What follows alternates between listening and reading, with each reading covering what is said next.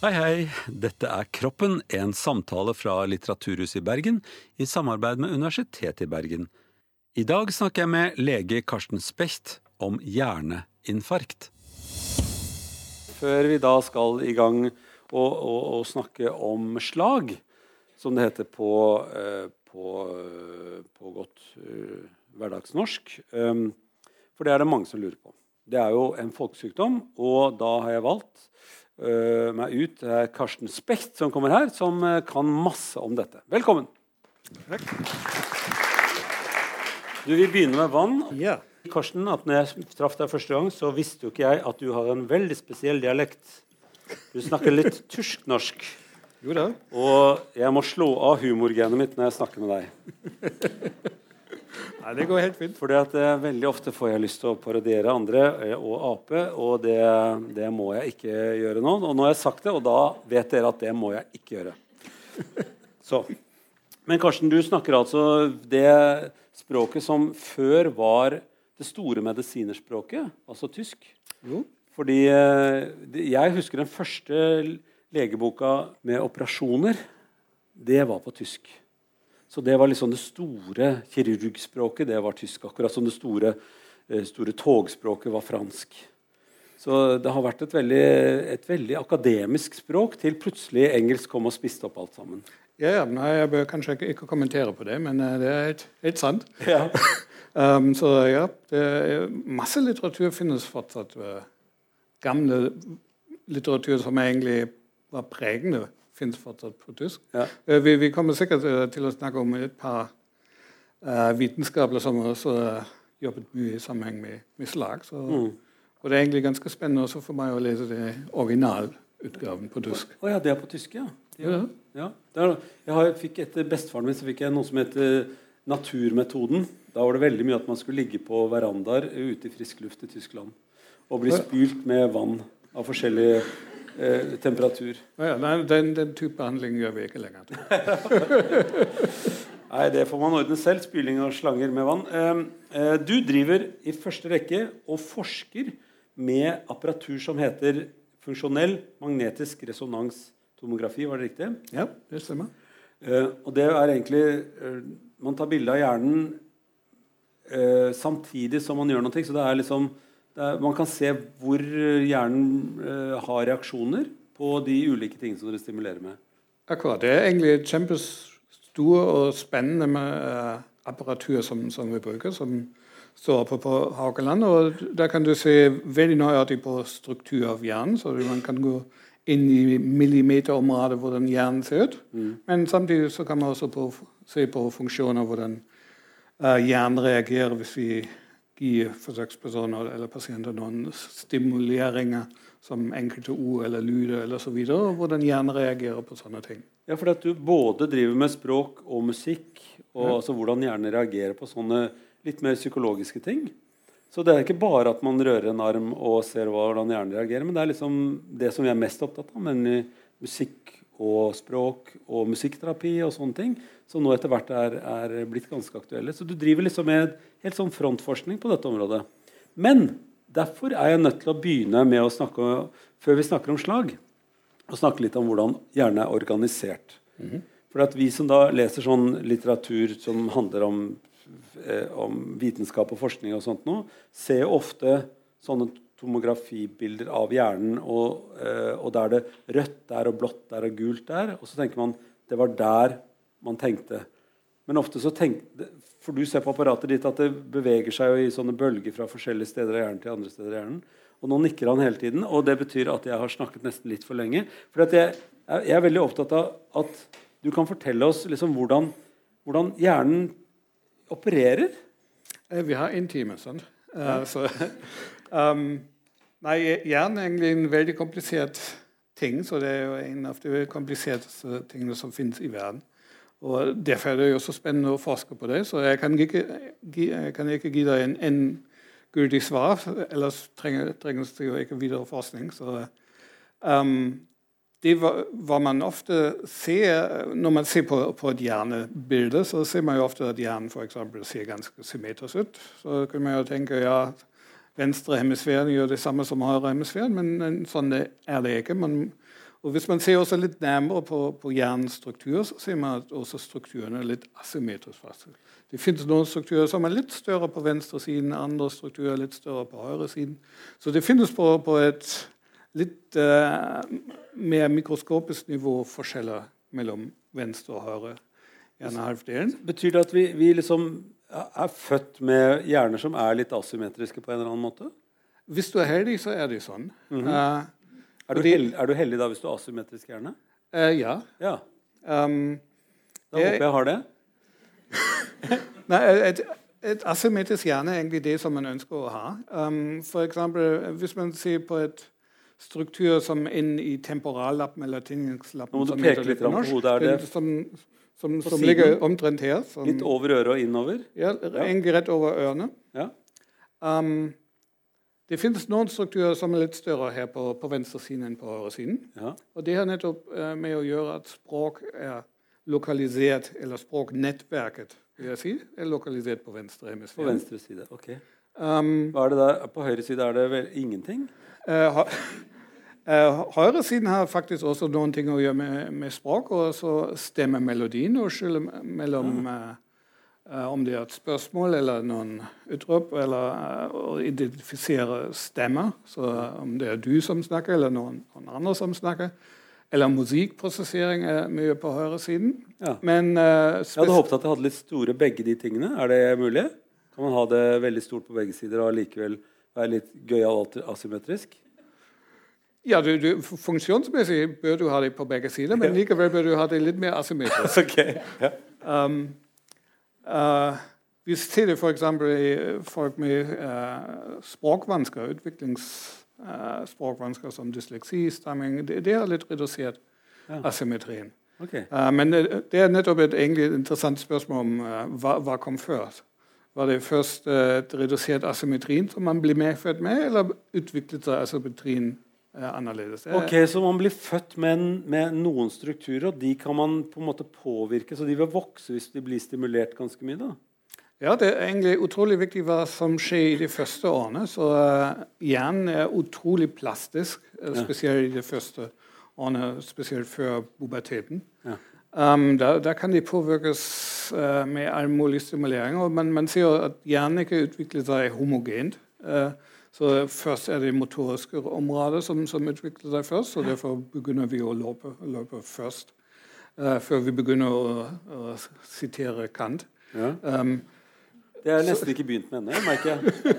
ja, men uh, hjernen er fortsatt i progresjon. Ja, ja, Du er så trøstende. Det var fint.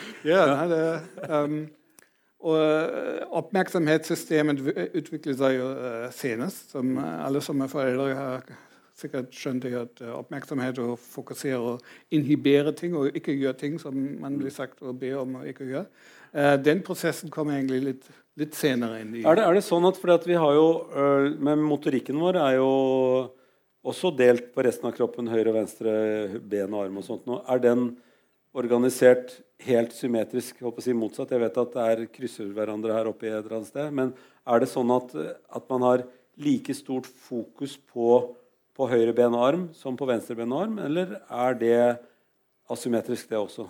Det er litt asymmetrisk, det også. Så mm -hmm. Hvis man er høyrehendt, som de, de, fleste er, eh, ni av ti personer er høyrehendt, mm.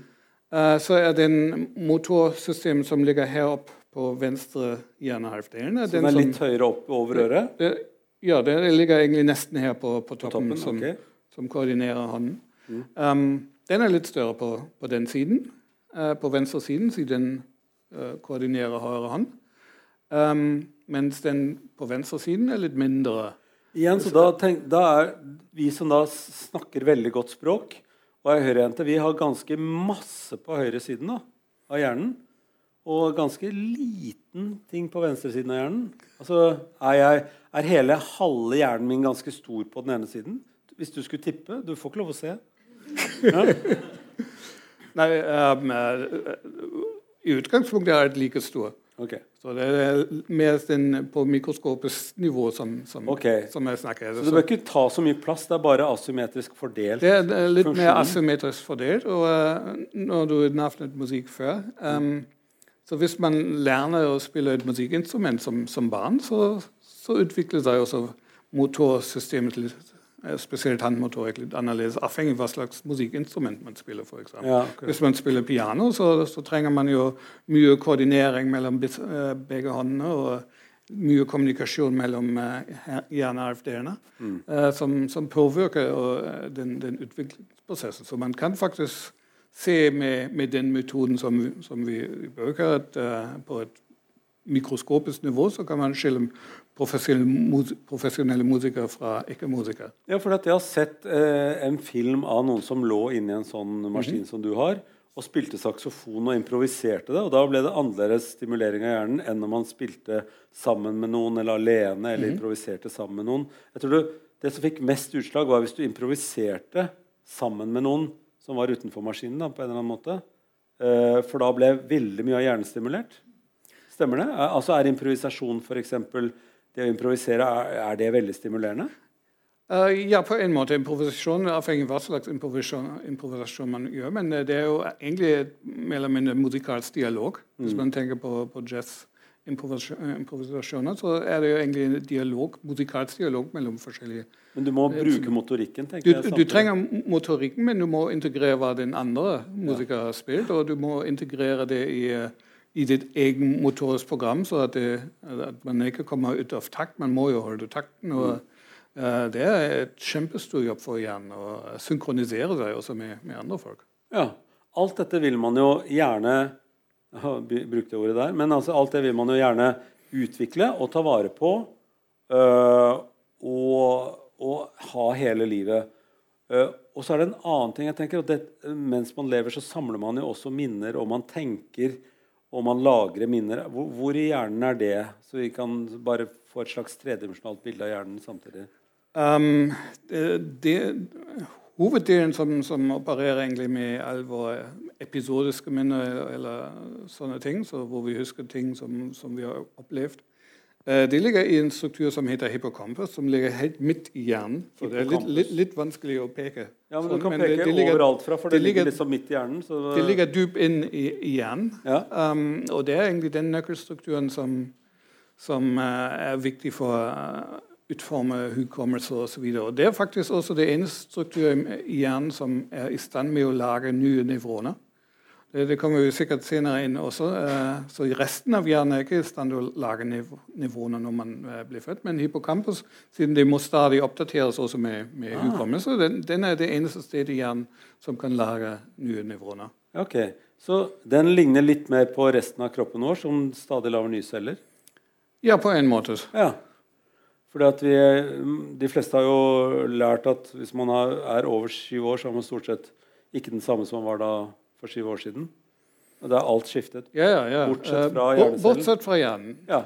Og da må vi ta med hippocampus, som kanskje også er litt forandret. Ja, ja, ja. Men får de bare celler i tillegg, eller får de, bytter de ut celler? Uh, den er egentlig på et stadig uh, ja, optimering, vil jeg si. Okay. Um, så uh, det er jo egentlig det, det bekymringsfulle nyheten som jeg også har til dere, at det Nevroner dør jo stadig, så mens vi snakket, så har vi begge to mistet allerede noen ja. nevroner. Men du ser jo på oss at vi har masse å gå på. Ja, vi, vi, vi, vi har nok av det. så det uh, vi, snakker jo fremdeles om det samme. Snakker, vi snakker fremdeles på, på samme tema, ja. så det, det, er ikke så alvorlig. Men uh, i, i hippocampus har man minst en type fornyelsesprosess. Ja, det var den, Og da har vi, altså det, det, som er helt bakerst her i hjernen, altså nå peker jeg helt på nakken min omtrent, det er jo hele lillehjernen. Mm -hmm. Den driver og passer på at vi gjør ting automatisk hele tiden. Og, og, har vel ikke så fryktelig mye å gjøre med ting som ikke er automatisk.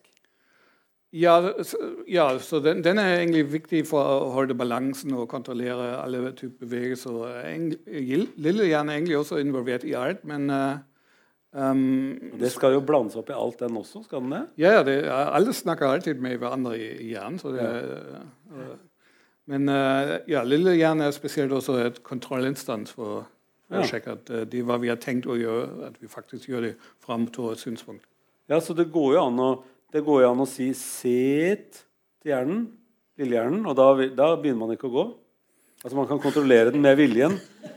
Men hvis man lar den slippe løs, så bare begynner den. Hvis jeg begynner å gå jeg tenker at nå skal jeg bare gå hjem, Da bør ikke jeg tenke noe mer på det. Da går jo kroppen min hjem. Ja, hvis, hvis man har sånne motoriske ferdigheter som, som Og det er ganske god til å gå hjem. Ja, ja, ja det, det, er jo, det, er jo nesten som å gå på autopilot. Ja. Um, sånne, sånne ja, bevegelser og motoriske handlinger som vi utøver stadig, det, det er ting som spesielt også lille hjerne Da står det ett sted igjen eh, for meg i hjernen som vi ikke har snakket om, og det er disse frontallappene. Nå kommer vi til pannen, altså det som er rett bak pannen.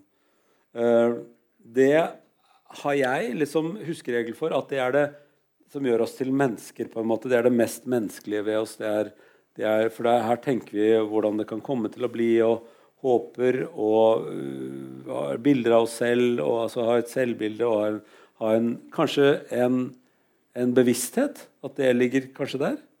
Eh, hva, hva, hjelp meg nå. Er, er det omtrent det vi bruker frontallappen ja, frontallappen er egentlig det, den delen av hjernen som er mest utviklet hos menneskene sammenlignet med, med apene, f.eks. Hjernen av en ape liker egentlig ganske mye enn menneskene. Hjernen, bortsett fra frontallappen, som er mye, proporsjonalt mye større hos oss. Uh, og den er involvert i egentlig sånne, eh, nettopp disse tingene som de nevnte. Uh, I tillegg oppmerksomhet og holde kontroll på ting.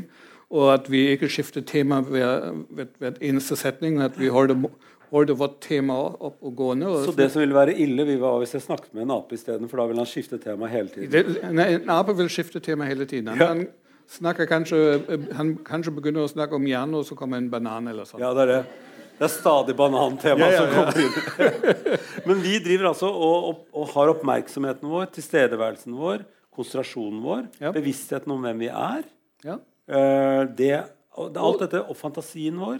Ja, og, og planlegge ting. Og Ja. uh, holde mål på et, uh, et plan. Så selv om vi forstyrret med å utføre et plan uh, siden f.eks. mobiltelefonen ringer, um, så har vi jo ikke glemt hva vi egentlig hadde tenkt å gjøre. Nei. I fleste tilfeller. minst. Så vi holder på Så at vi holder mål, og selv om vi må gjøre en, omvei, så, så holder vi rett på det hva vi egentlig tenkt å gjøre. Og det er en viktig funksjon av eh, pannelappen eller frontallappen. Ja.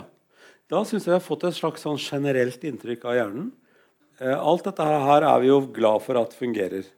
Eh, og selv om du nå har sagt at vi mister nevroner og det dør celler hele tiden, så har vi jo så skal vi si, milliarder av celler i hjernen. Er det, var det å ta i litt, syns du? Eller Nei, nei, det er helt milliarder? Ja, milliarder var det, greit? det er flere milliarder med nevroner som vi har inni der. Ja, det er veldig flott. For det, Ja. da kan vi unnvære et par stykker i løpet av en times tid. Og hvis vi drikker litt mye alkohol, så ryker det jo mange på en gang. Ja, det ryker litt, litt mer. Ja. Ja, ok. Og det å, å være frustrert og dunke hodet i veggen, fører det til noen ting? Eller er det bare, bare Ja, hvis du gjør det i hver dag, så, så vil man oppdage det. Ikke dunke hodet i veggen hver dag? Nei. Ok. Da, synes jeg, da, har, da har jeg litt sånn bilde av hvordan hjernen er på vei altså Det er et, et dikt som jeg liker så veldig godt, som sier man, le, man dør så sakte at man tror man lever. Det syns jeg er veldig, veldig fin beskjed til oss. da. Vi, vi er, går den samme veien alle sammen. Eh, det som kan gjøre det brått slutt, eh, hvordan vi oppfatter oss selv, det er jo at vi får et slag. Altså, og det er jo avhengig av blodomløpet vårt i hjernen. Kan vi si litt om hvordan blodomløpet er organisert? Det kommer liksom noe opp her i halsen, både foran og bak. Eh, så det, det kommer opp fra, fra hjertet, så eh, nesten 20 av det var hjerteproduserer, eller pumper ut av blod, går inn i hjernen. Det går to arterier her og to litt, eh, litt indre. Ja, altså Så bak i Det er to på, på begge sider. Ja.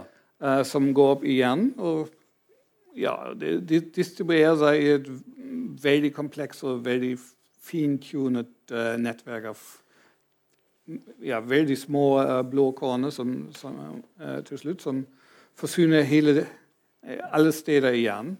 Um, så, og det er egentlig uh, et viktig moment i den sammenheng, fordi Um, hjernen er ikke i stand til å lage eksempel energi eller uh, drivstoff på en måte, så at nivåene overlever altså uten blå gjennomstrømming. Så de, de trenger den tilførelsen av blå hele tiden, ellers vil de dø egentlig mer eller mindre umiddelbart. Og Derfor går så, også så mye blå fra, fra hjertet inn i hjernen. Så en, hel, en, femtedel, hele, en femtedel av alt vi produserer, tar en tur rundt hjernen. ja. Det er veldig mye da i forhold til hvor, hvor, hvor liten hjernen er i hele ja den, den trenger utrolig mye energi. Mm. Eh, fordi at det er det menneskeligste organet, på en måte. En ting til, for Nå er det, det er to blåår foran, to blåår bak som går opp til hjernen. altså fire blåårer, Men de har et svært nettverk. Er det sånn at et, et parti i hjernen har mange veier til seg? Er det, er det noen omveier hvis noe går gærent? Det, kan det omdirigeres sånn som trafikkmaskiner kan gjøre? Fins det flere um, kilder? Um, evolusjon prøvde det, men det fungerer egentlig ikke helt, helt perfekt. Um, det finnes noen få regioner igjen. så uh, for, for, å gjøre det kanskje den forklaringen av blodsystemet litt mer komplett. Um, disse to arterier som går på hver side opp, fordeler seg i tre hovedhjernearterier. Mm. Uh, og disse tre hovedhjernearterier har en del overlapp noen steder. Ja. Uh, så, um, men uh, bortsett fra det så er det egentlig veldig få tilfeller hvor et sted i hjernen for blodtilførsel fra forskjellige steder. Okay. Det fins noen steder, men uh, ikke, et, er, er, hjernen har egentlig ikke en plan B. Er det, oh nei, så det er stort sett sånn at hvis det går noe gærent, så er det ikke så lett å reparere det med at en annen kan ta over? Nei, i de fleste tilfeller fungerer det ikke. Hvis, hvis, hvis, man er heldig, så, så, får man kanskje et slag nettopp i et område som har blodtilførsel fra Eh, et annet arterie også. Er det, er det, noen steder i hjernen som er mer sårbare enn andre? Altså, den, er, jeg vet at det er noen steder i flyet som det var der dårligst uh, oksygensirkulasjon på lange distanser man ikke burde sitte. Jeg skal si til dere hvor etterpå hvor det er. Men eh, er det noen sånne steder i hjernen som er sånn Her er det veldig sårbart hvis det skjer noe gærent? Nei, jeg vil egentlig ikke si det sånn. Um, et, et, et, slag uh, er egentlig et uh, selve småslag kan ha et stor effekt. Mm. Um, det er virkelig avhengig av hvor slag opp, oppstår. Man har litt større sannsynligheten spesielt i den delen av, av, av hjernen. fordi Nå tok, tok du på venstre side? Så det hva vi kaller pannelappen, parietallappen, tinningslappen. Ja, um, fordi den uh, en stor arterie har, går mellom mindre direkte inn, inn her. Okay.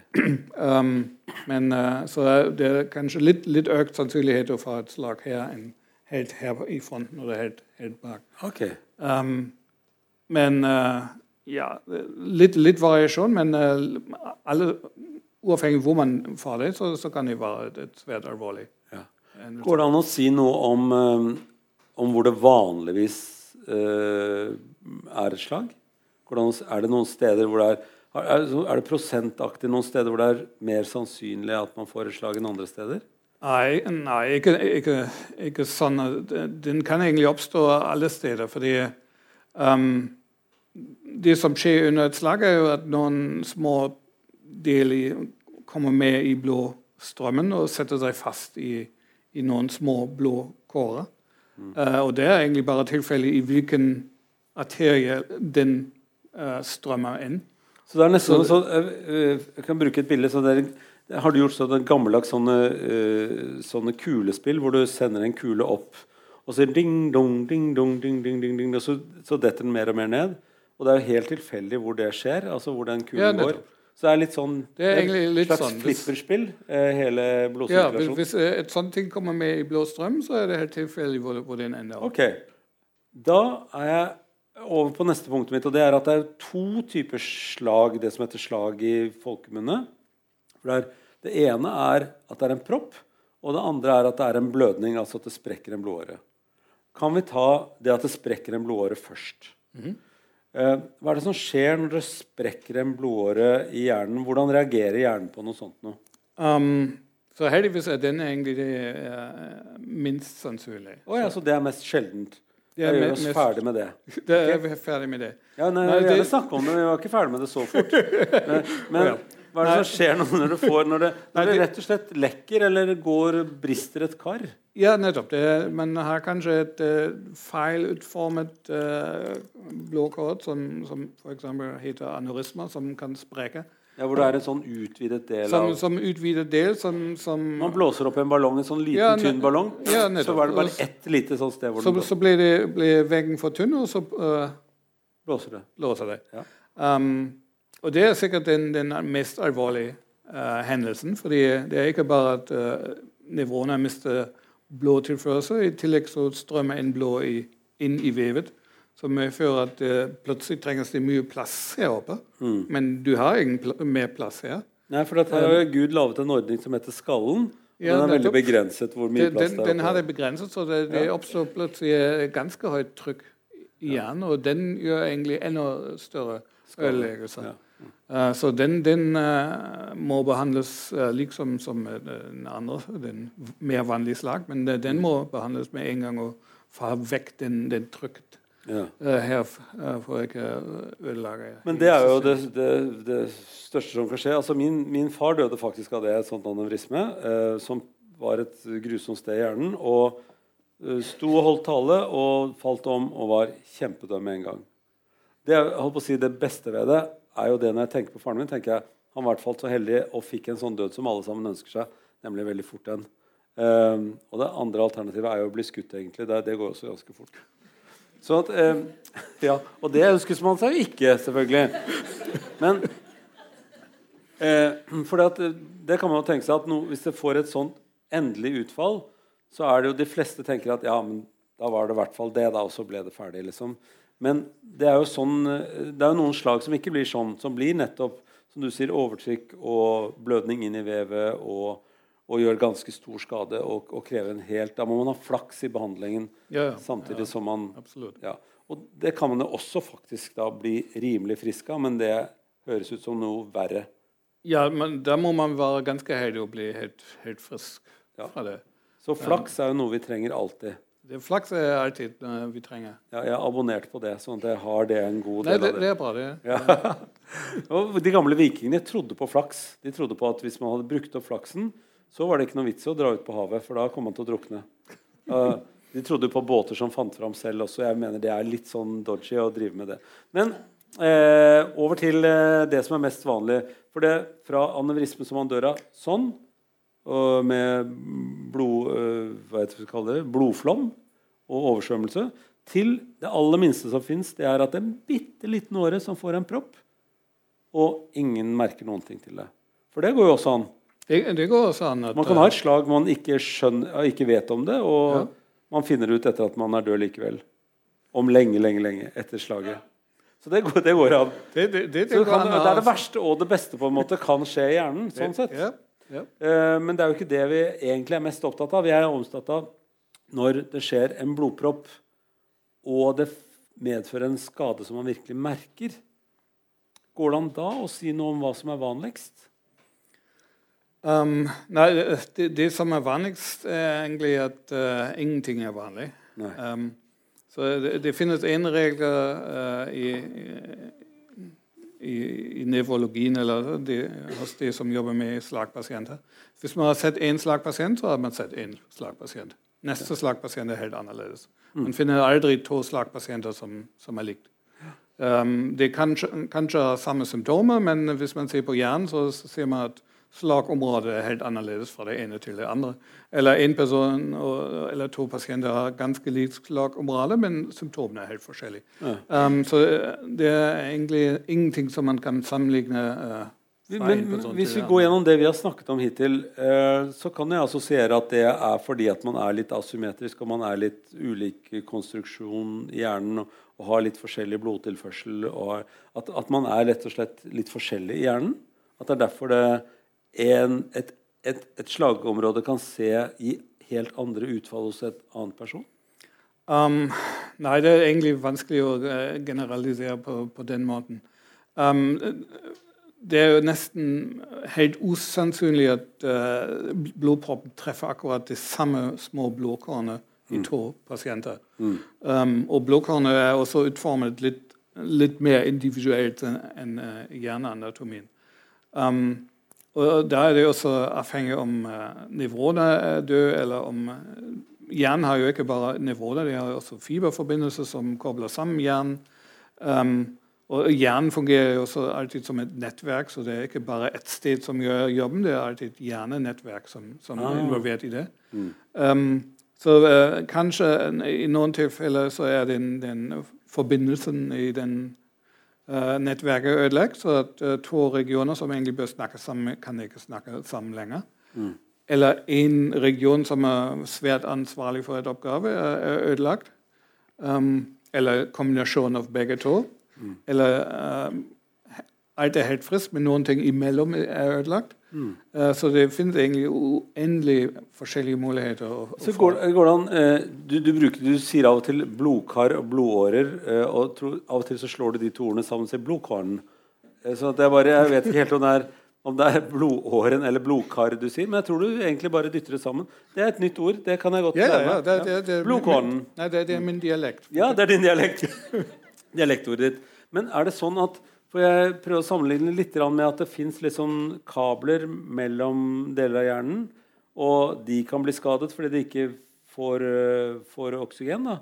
Og det kan være sentra, hvor det er en veldig viktig sentral for det og det som foregår, som kan bli skadet av at de ikke får oksygen. Så det er både, både ledninger som går helt andre steder og er mellom steder, og noen sentra som kan, eh, som kan skades. Så det, det, er den kombinasjonen du sier at er, gjør at det er forskjellig hver eneste gang? Ja, og derfor for eksempel, kan også et veldig små slag som treffer akkurat den steden som ikke skal treffes for å ødelegge en funksjon, mm. uh, kan ødelegge hele systemet. Mm. Uh, og det, det, ser man også ofte. at et, et, uh, et, veldig små slag som f.eks. ødelegger et viktig fiberforbindelse, ja. for, som f.eks. kobler sammen det motoriske systemet, at man plutselig blir fullstendig lammet av et veldig små, små slagområde. Ja.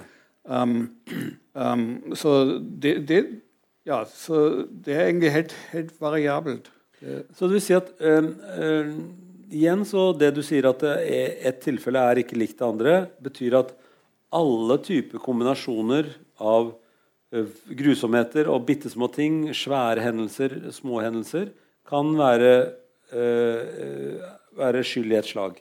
Er det sånn at øh, man kan si noe om, øh, om de forskjellige fasene? La oss ta Hvis man får et, en sånn blodpropp, så går den et sted, stenger av en åre, hvor langt inne den er, eller hvor stor åre det er, vet man ikke.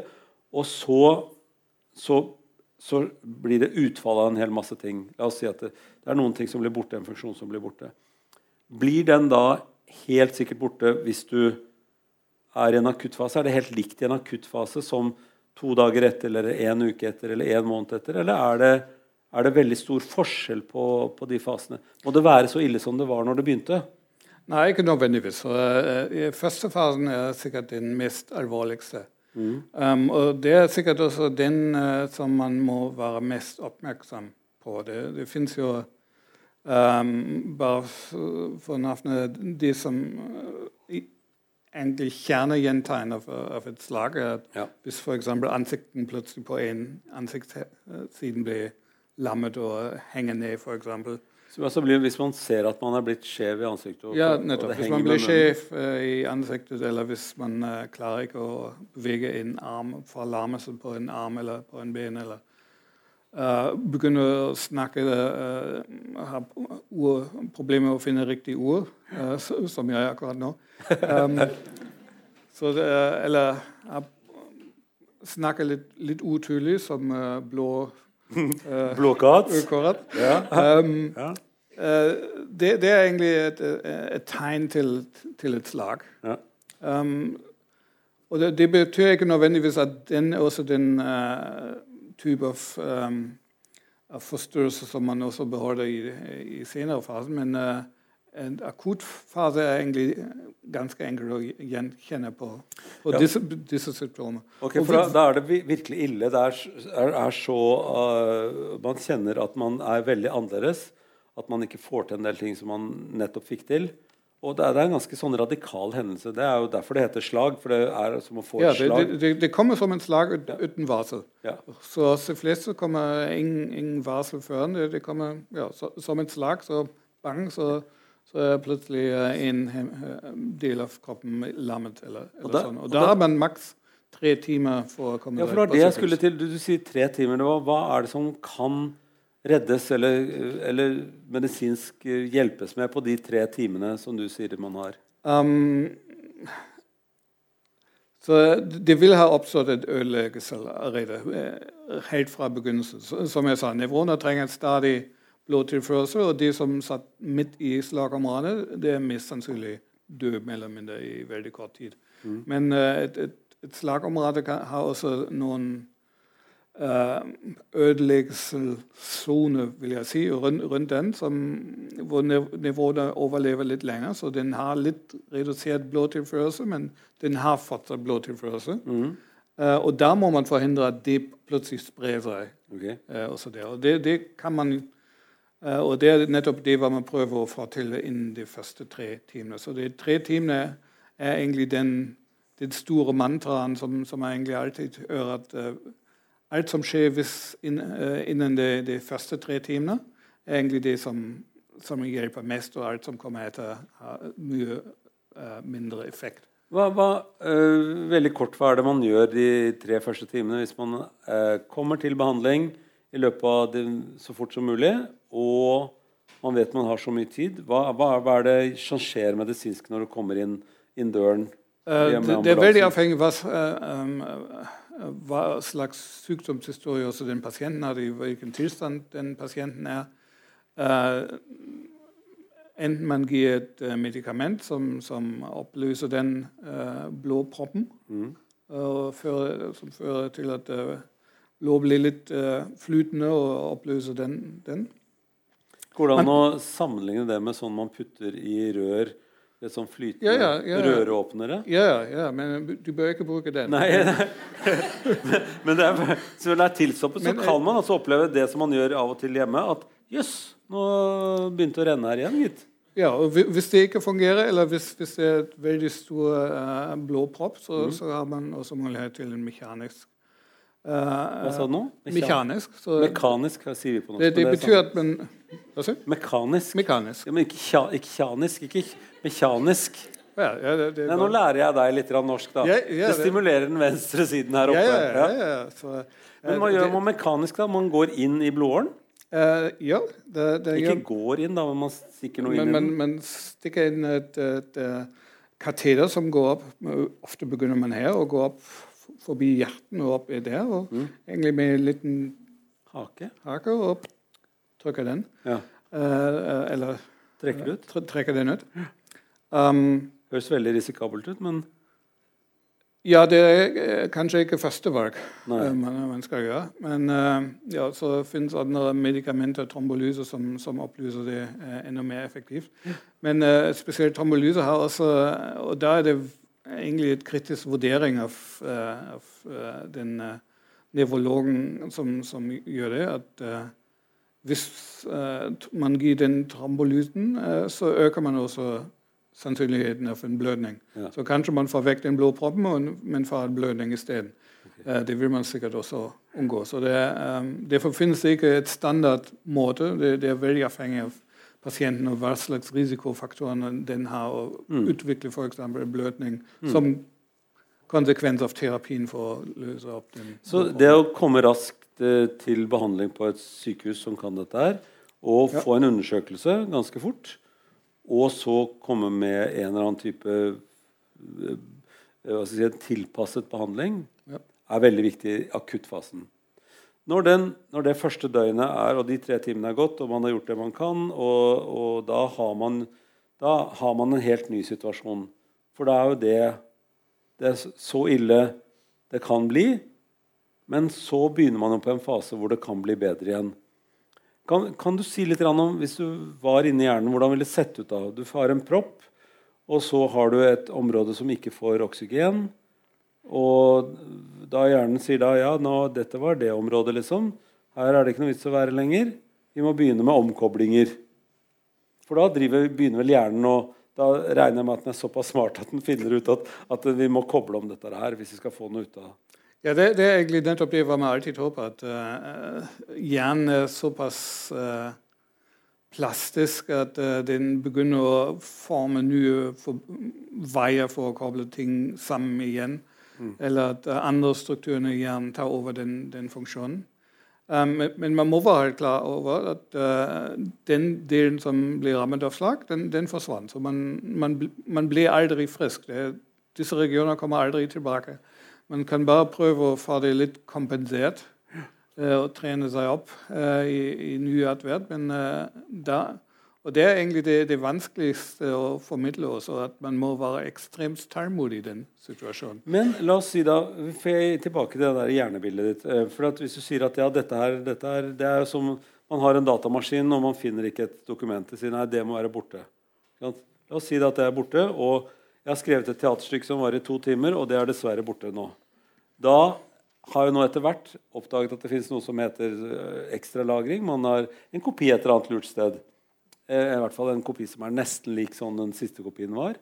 Er det noe sånt system i hjernen? Fins det en kopi? Nei, ikke, ikke på ikke den måten. Ikke en kopi av noen ting? Uh, Har du ikke plassert ting to steder? Hvor dum går det an å være? Nei, det, det, trenger du et hjerne til. Ja, ja. Um, Nei, det, de, de, som, som, er, som, som er for alt er, er organisert i nettverk. Det er ikke bare ett sted som, som gjør hele jobben. Så en andre del av hjernen har et viss idé hva, hva, den regionen egentlig holdt på med. Okay. Uh, så de, de, kan prøve å uh, gjør, jobbe med det så, så godt de kan, men uh, den var spesialisten. Ja. Og den bare, var bare tilskuer, så, så hva, hva, den har gjort. Men, men, er det sånn flere altså Igjen, jeg må bare jeg, jeg stopper deg litt. For at, er det ikke sånn at flere deler av hjernen vet forskjellige ting, at det går an å pusle sammen Kan ikke pusle sammen denne informasjonen så du kan få til et nytt eller et nok-bilde, nok liksom? Et sånt Det var da nesten like bra. Har, du, ja, ja, har du noen eksempler på at det går an? Jeg er ute etter håp her. jeg skjønner. Er det mulig? Ja, men det, det viktigste ordet som, eh, som, du brukte, var 'nesten like bra'. Oh, ja. Uh, det ble kanskje nesten like bra, men uh, det ble ikke som før. Nei. Jeg har jo sett nok slagpasienter og se at det er en del motorikk som da blir helt vekk. Altså hvis du, du kan ikke få den samme armen til å gjøre akkurat det den har gjort før, men du kan få den til å gjøre ganske mye som den ja, ja, så, ligner på det, ja, og, og, med mye øvelse. Ja, men, kan, men, uh, men, det blir ikke som før. Nei. Men man blir kanskje, uh, hvis man er heldig, så blir man ganske god igjen. Mm. Uh, men ikke perfekt. Nei, så, så det blir Altså, du, nå, du, har jo slått fast det flere ganger at det som er ødelagt, er borte. Det, det, får man ikke nødvendigvis igjen. Men man kan få til noe som er ganske likt, eller i hvert fall kompensere det på en eller annen måte. Da. Eller hvis man er standhaftig og trener mye, og det kan være hjernevirksomheten man må trene, så kan man komme ganske nær det man var. Er, er det, er, hvis man er heldig. Jeg vil ikke generalisere det sånn. Heldig. Men, uh, Igjen flaks hvis man har flaks, så, så blir, det, blir, det, ganske bra til mm. slutt. Um, men uh, også, uh, som, som, jeg nevnte før, man, man må være tålmodig. Uh, mm. fordi jeg nevnte det i begynnelsen gjerne utrolig plastisk, spesielt før puberteten. Men egentlig de gode nyheter som, som, man også fokuserer mye forskning på nå, er at hjernen er egentlig også plastisk etter puberteten. Mm. Men da tar det mye lengre tid. Okay. Um, så man bør ikke gi opp uh, hvis uh, funksjonen er ikke tilbake etter to uker. Det, det, kan ta flere år, men, uh, det, man, man, ja, man, bør ikke gi opp. Man må trene og trene og trene og være veldig tålmodig. Mm. Og spesielt også de pårørende må være veldig tålmodige. Mm. Um, bare prøve igjen og igjen, lik, lik en barn. Et barn begynner å lære å, å løpe bare for å prøve igjen og igjen og igjen mm. før de, de, klarer å stå på. Det, det, sånn må man egentlig fortsette hele livet. Så man må tenke at dette her blir ikke akkurat som før, og man blir veldig sånn mismodig og lei seg og, og kanskje også deprimert av at det ikke går sånn som man hadde håpet.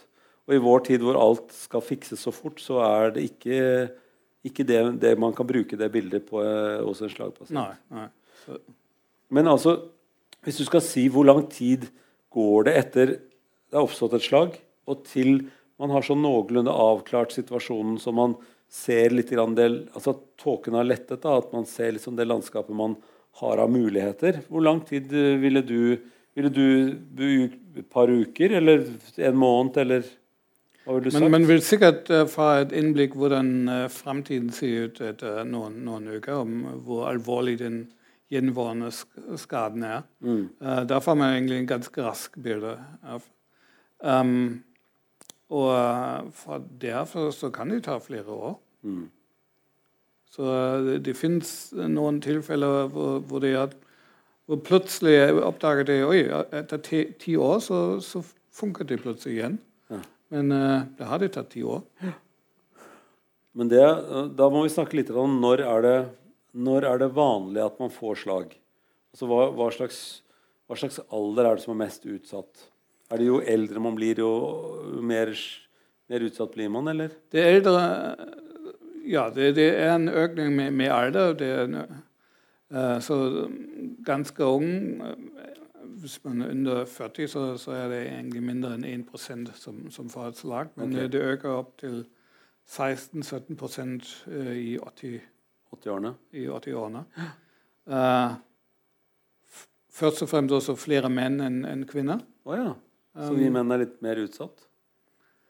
Ja, det, det, har kanskje også litt med risikofaktorene å gjøre. Ja. Altså Høyt blodtrykk og, og røyk og diabetes.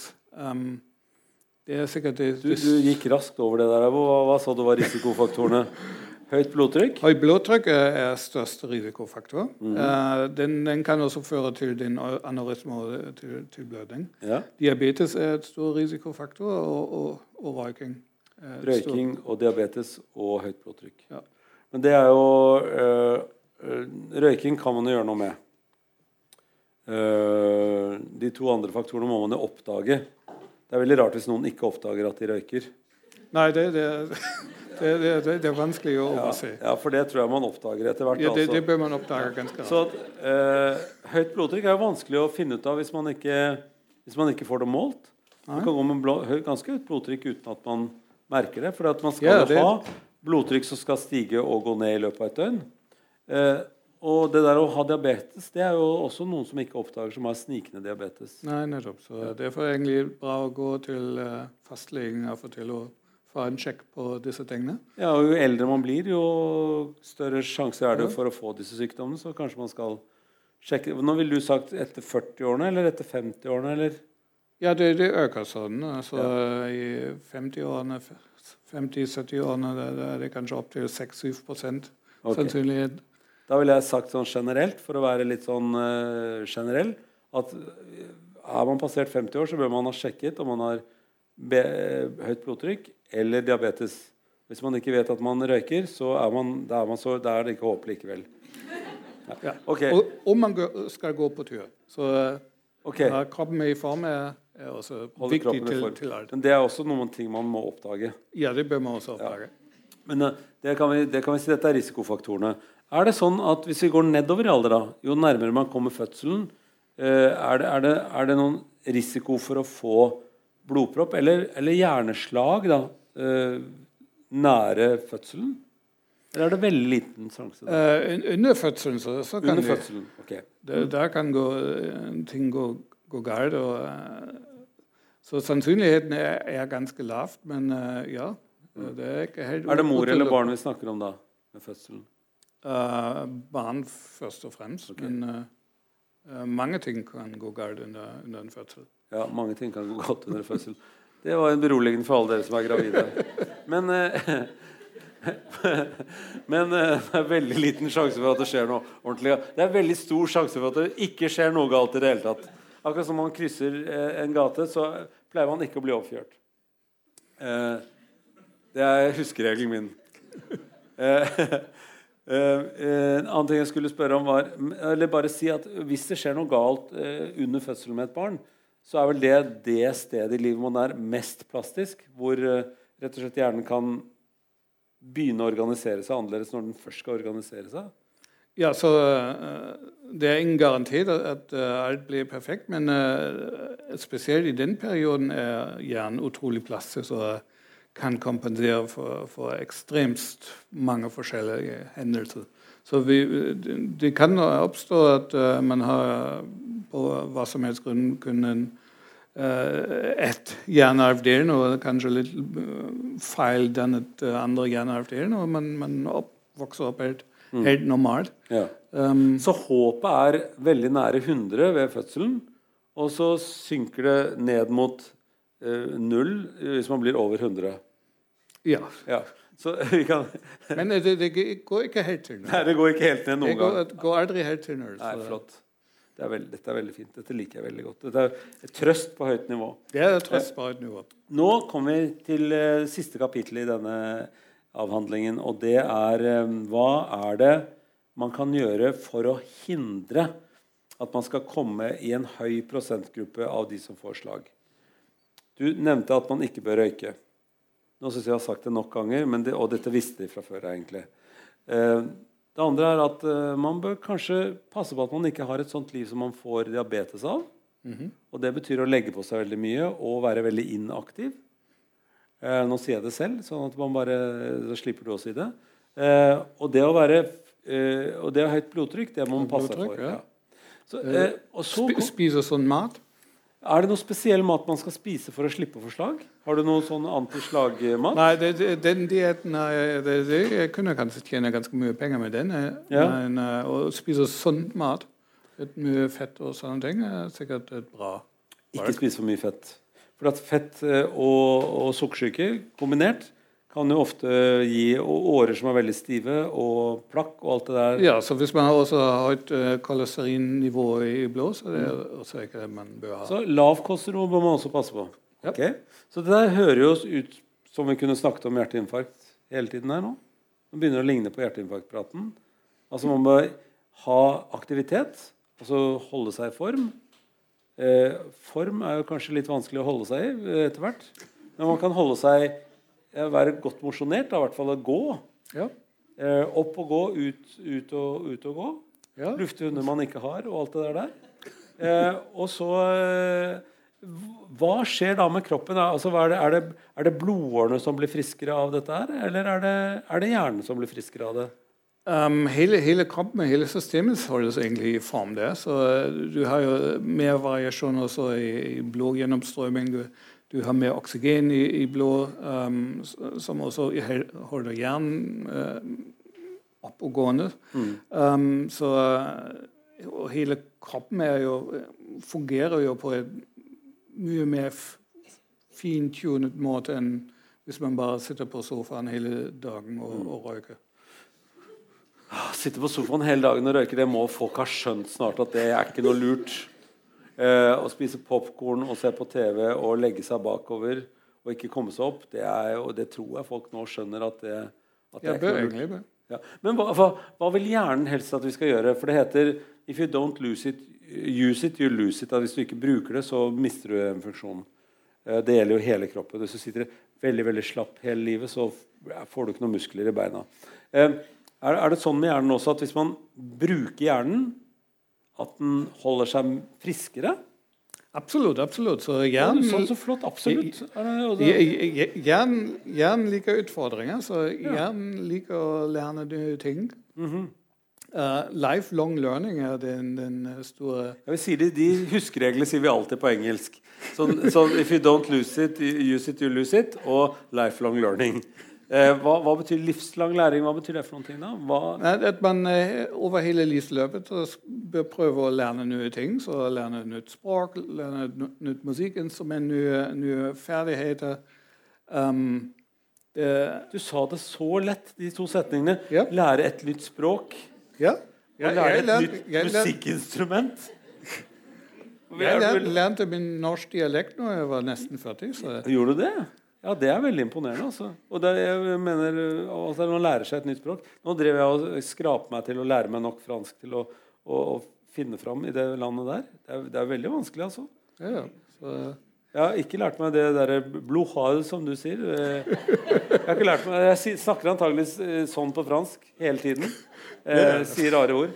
Men altså, det å lære seg noe helt nytt, ikke bare kryssord og kabaler og sånne ting Nei, det, Det det er er bare å gjenhente ting som har lært. Det, det, det er utrolig kjedelig for hjernen.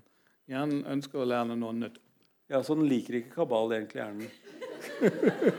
Nei, så den vil like noe helt nytt. Nei. Så et språk du ikke kan, Ja. velg deg hva som helst. Og et instrument du ikke kan, der er veldig mye å velge mellom.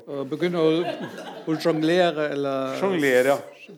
Ja, der, der kan jeg velge Det, hva det jeg kommer jeg vil. kanskje aldri til å klare. Kan du sjonglere noe særlig? Nei, jeg har, ikke, jeg har ikke helt tro på det. Men, Du har ikke tro på sjonglering, nei? nei, at jeg kommer til å klare det. Men, Nei, eh, men det- eh, det kan vi diskutere neste gang. Ja. Hva tror du du kan klare? Hvor langt vil du strekke deg? Er det blokkfløyte, eller går du helt til fiolinen? Nei, uh, Er noe av det Kan du fiolin? nei, jeg har, eh, nei, violin kan jeg ikke. Jeg spiller trombone. eh, eh, Ok, Alle blåseinstrumenter er Da må du begynne på noe annet.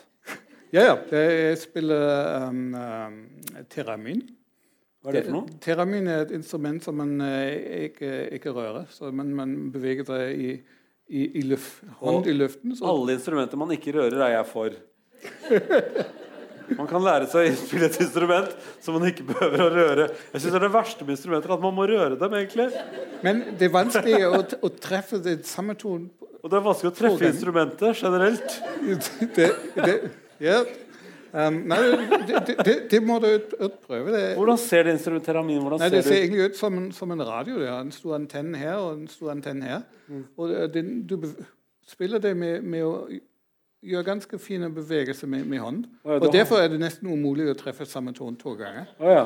Te- det må jo google. Så man må, det er mer sånn som en, en, en, en heter, eh, trombone blir det jo. Er det ikke det man ja, men da er det litt mer uh, predikerbar hvor, hvor du treffer? hvor, hvor du treffer det. Så Det, du- bør, det bør man uh, lære seg ganske fort. man kan jo slide mellom tonene, da. Ja, ja, Er det det du gjør av teramin også? Slide? ja, ja, ja, ja. Ok, Det er mitt instrument, hører jeg. ja. Uh, alt som er presist, er jo veldig vanskelig. Fiolin er jo fryktelig vanskelig å lære seg. ja, ja, ja. Men, men er det, spiller, det spiller ingen rolle hvilket instrument du velger. altså Bare hjernen er helt, helt uforståelig for hvordan man skal få utført dette her.